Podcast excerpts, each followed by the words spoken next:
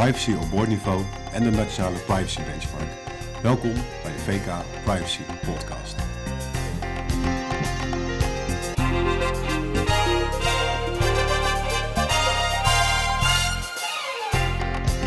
Het eerste onderwerp dat we bespreken is privacy op boordniveau. Bij mij in de uitzending Joost Beukers, directeur van Verdonken Klooster en Associates. Joost, welkom. Dankjewel Bas. In de uitzending. Ja, om gelijk maar met de deur in huis te vallen. Uh, als je met andere bestuurders spreekt, um, in hoeverre uh, komt privacy dan aan de orde? Nou, um, eigenlijk gebeurt dat alleen als ik zelf het onderwerp aanbreng, merk ik. Er zijn weinig bestuurders die ik spreek die uit zichzelf meteen beginnen over... Hmm, Joost, mijn grootste vraag op dit moment is toch echt privacy. Hoe bescherm ik die persoonsgegevens nou? Dat is eigenlijk niet wat nu top of mind is. Er zijn toch eerder andersoortige vraagstukken, uh, klassieke vraagstukken als uh, geld of uh, strategische uitdagingen waar men over praat. Maar zodra je het onderwerp aanbrengt, dan zie je wel dat er een grote herkenning is inmiddels.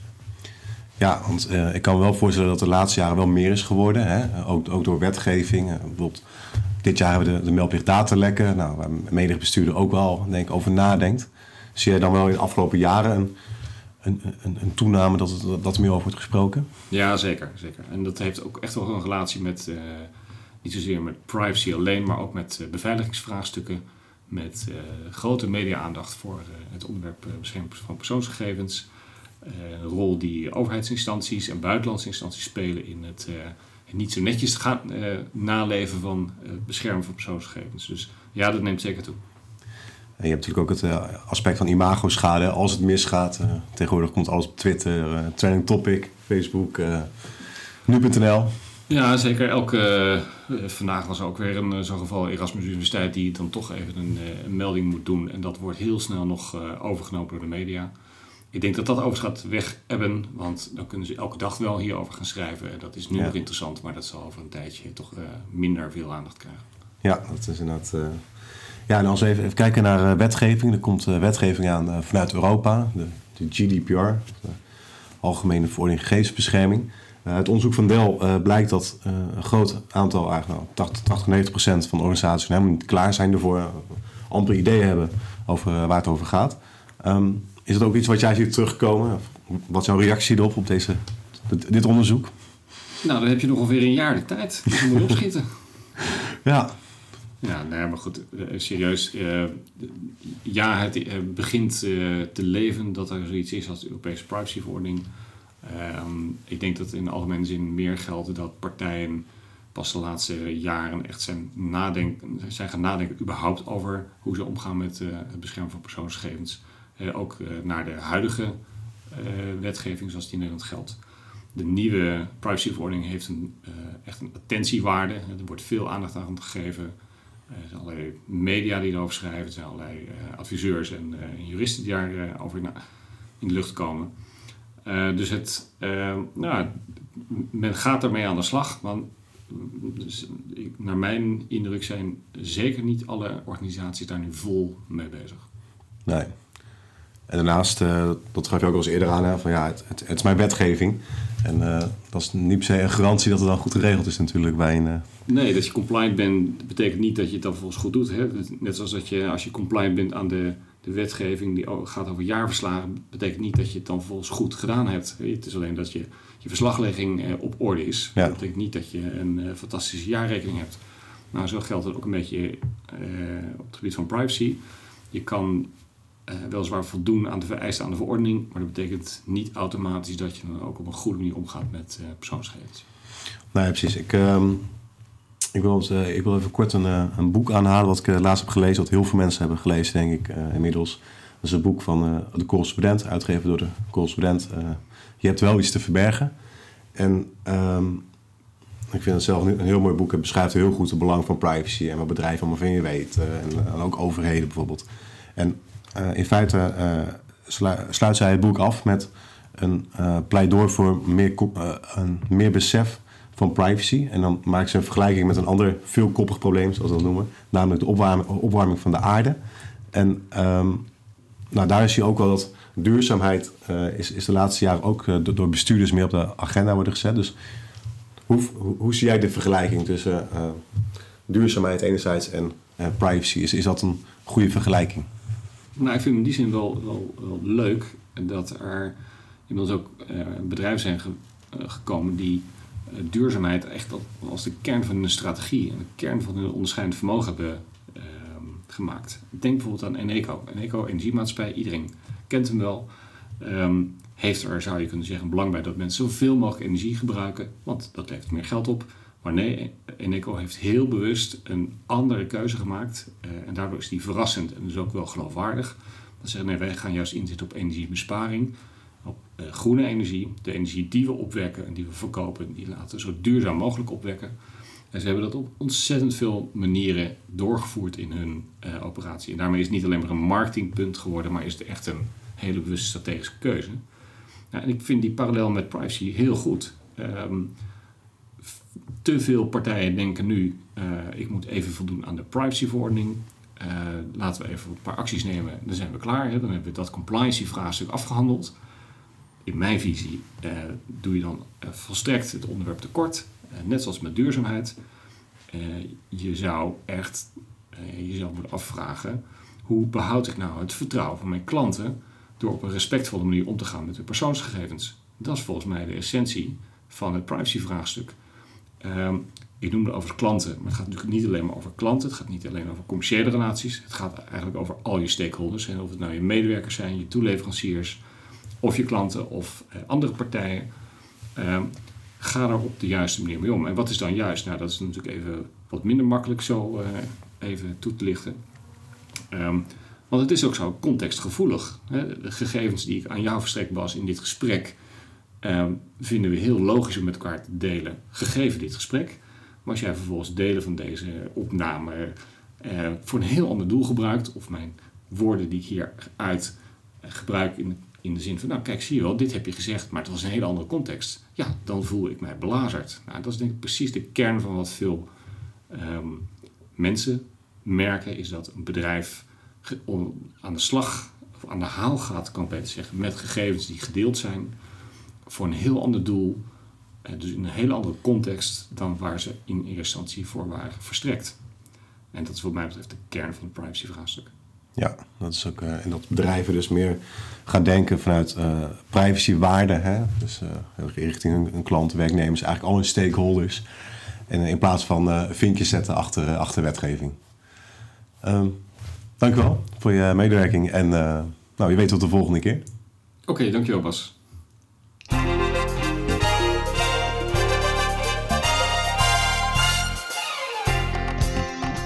Gaan het hebben over de Nationale Privacy Benchmark 2016. Bij mij aangeschoven in de studio Frank van Vonderen, initiatiefnemer. Uh, welkom. Dankjewel. En Joost Beukers, uh, directeur VKA, zit ook nog uh, in de uitzending. Frank, Nationale Privacy Benchmark. Ja. Wat is het precies? Nou, de Nationale Privacy Benchmark is iets waar we vorig jaar mee zijn begonnen. de vraag die ik heel veel kreeg van de organisaties was van... Goh, we doen het een en ander op het gebied van privacy... Maar hoe doen eigenlijk mijn, uh, mijn collega's het? Hoe doen andere organisaties het? En dan gaat het niet zozeer om of mensen fouten maken of dingen goed doen. Of, of, of, maar veel meer van op welke manier zijn mensen ermee bezig? Welke beleidsdingen hebben ze geregeld? Welke activiteiten zijn ze van plan te starten? Waar zijn in het algemeen de sterkere en zwakkere punten? Nou, daar bestond heel, heel weinig beeld van. Dus daar zijn we vorig jaar mee begonnen in de vorm van de Nationale Privacy Benchmark. En dat betekent dat we dit jaar de tweede versie hebben, hebben uitgebracht. En uh, daarin uh, hebben ze een aantal vragen beantwoord. Ja. Uh, nou, ik, stel voor dat we omwille van de tijd er drie gaan behandelen. Allereerst de vraag over de implementatie van de wet meldplicht datalekken. Die eigenlijk al vanaf 1, 1 januari dit jaar gegeten moeten zijn bij organisaties. Ja. Um, wat waren de uitkomsten bij die vraag? Nou ja, wat we bij die vraag hebben uh, uh, gevraagd aan mensen in hoeverre ze de, de wet meldplicht datalekken op papier op orde hadden. Ja? Dus, mm -hmm. dus, heb je daar een, een, procedure voor. Maar we hebben ook uh, de vraag gesteld, heb je ook datalekken gehad? Weet je wat een datalek is? En is vervolgens die procedure ook, ook gestart? Maar we hebben ook een deelvraag gesteld van, worden die procedures ook, ook geoefend? Zodat je ook weet dat mocht je een keer een datalek hebben, dat je ook bent voorbereid op dat soort scenario's.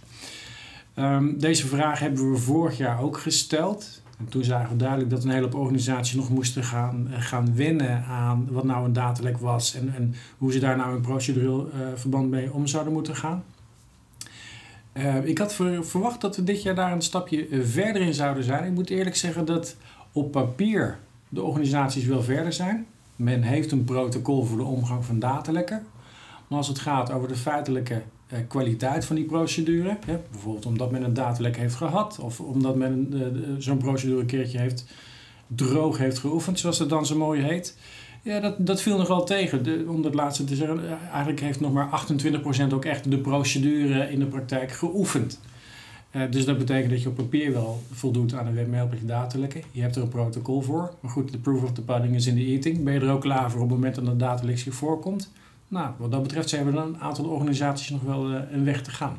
Terwijl het oefenen uh, niet per se heel moeilijk is. Uh, je kan verschillende scenario's kan je doen. Hè? Je kan ja. heel uitgebreid doen met echt escalatie. Maar je kan ook gewoon ja. met, met, met, met vijf man aan tafel zitten en een kaas behandelen. En hoe gaan we hiermee om? Nou, dat klopt. Uh, ik denk dat er ook een belangrijke taak ligt op het gebied van de afdeling communicatie. Vaak is er ervaring met crisiscommunicatie. Vaak zijn er ook al bepaalde communicatieplannen van wat doen we in het kader van een veiligheidsissue of een incident of nou goed, dat soort omstandigheden. Uh, die zou je ook kunnen gebruiken voor datalekken. Dat klopt. Precies. Een andere vraag die je hebt gesteld uh, in de benchmark, uh, dat uh, ziet op de GDPR, de Europese privacyverordening. In het ja. vorige gesprek met Joost ook over gehad. Um, wat vul je daarom op aan de beantwoording van, van die vragen? Wat heb je precies gevraagd daarover? Nou, wat we gevraagd hebben is in hoeverre mensen al bezig zijn met de naderende verordening. Um, en uh, het beeld wat we zagen is dat men al wel bezig is. We zijn al uh, zo globaal begonnen met wat we moeten doen.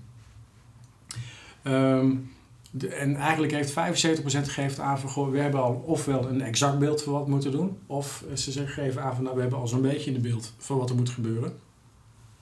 25% geeft dus ook aan dat ze niet, nog, nog geen volledig beeld hebben. Uh, daarbij moet ook worden gezegd dat weliswaar de Europese privacyverordening beschikbaar is. Hè. De tekst is beschikbaar. Mm. Er zit ook nog wel een element in van dat er uh, op landniveau nog een nadere invulling moet plaatsvinden vanuit de autoriteit. Um, en dat is ook wat ik mijn eigen uh, contact ook altijd meegeef. Ja, je kan alvast focussen op wat de Europese uh, wetgeving zegt. Maar de exacte invulling is nog even afwachten. Maar het is in ieder geval bemoedigend dat 75% al uh, hier zicht op heeft. En ook weet dat ze daar wat mee moeten. Ja, een vraag die je ook gesteld hebt in de benchmark is de vraag van nou, welke uitdagingen ziet u als organisatie in de AVG? Um, ja. Hoe is daarop gereageerd? Wat zijn de grootste uitdagingen? Nou, de, de grootste uitdaging is wel het privacy by design en privacy by default invoeren. Uh, dat herken ik ook van de praktijk, omdat het een vrij, vrij vaag begrip is. Een andere uh, die opvalt is de verplichting om de verwerkingen van de persoonsgegevens ook te registreren. Um, en ook het uitvoeren van de privacy impact assessments. Dat zijn ook wel de drie waarvan de respondenten aangeven dat daar uh, nog het nodige moet gebeuren. Frank, wat is dat dan eigenlijk, privacy by design? Nou ja, dat is een goede vraag. Uh, privacy by design staat als concept wel genoemd in de wet, zonder dat verder wordt uitgewerkt wat dat precies is. En je ziet ook dat heel, heel veel organisaties daarmee nu aan het worstelen zijn. Voor mij is privacy by design vooral eerst verstandig omgaan met informatie. Welke persoonsgegevens heb je nodig? Kan je dingen uh, uh, kan je af met minder? Kan je dingen tijdig weggooien? En datgene wat je echt nodig hebt, dat vervolgens zo goed mogelijk uh, beschermen. En dan in de technologie ermee omgaan.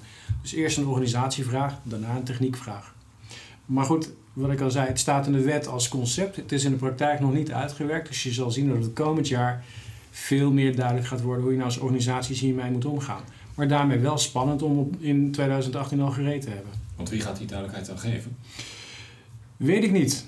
Ik hoop de markt. Ik denk de markt. Uh, het staat als concept in de wetgeving. Ik vermoed dat de autoriteit persoonsgegevens wel iets van richting zal geven. Maar ze geeft richting in de vorm van open normen, zoals dat zo mooi heet. Dus dat betekent dat de feitelijke toepassing echt vanuit de markt zou moeten komen. Dus eigenlijk uh, heeft het niet echt heel veel uh, kracht. Maar het wordt wel genoemd als het meest uitdagende punt.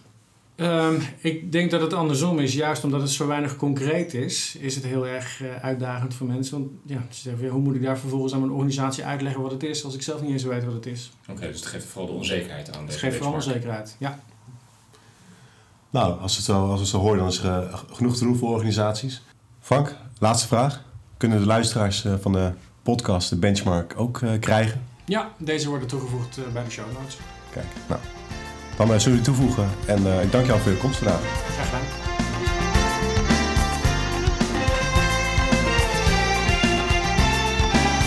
En hiermee zijn we aan het einde gekomen van deze podcast. Dank voor het luisteren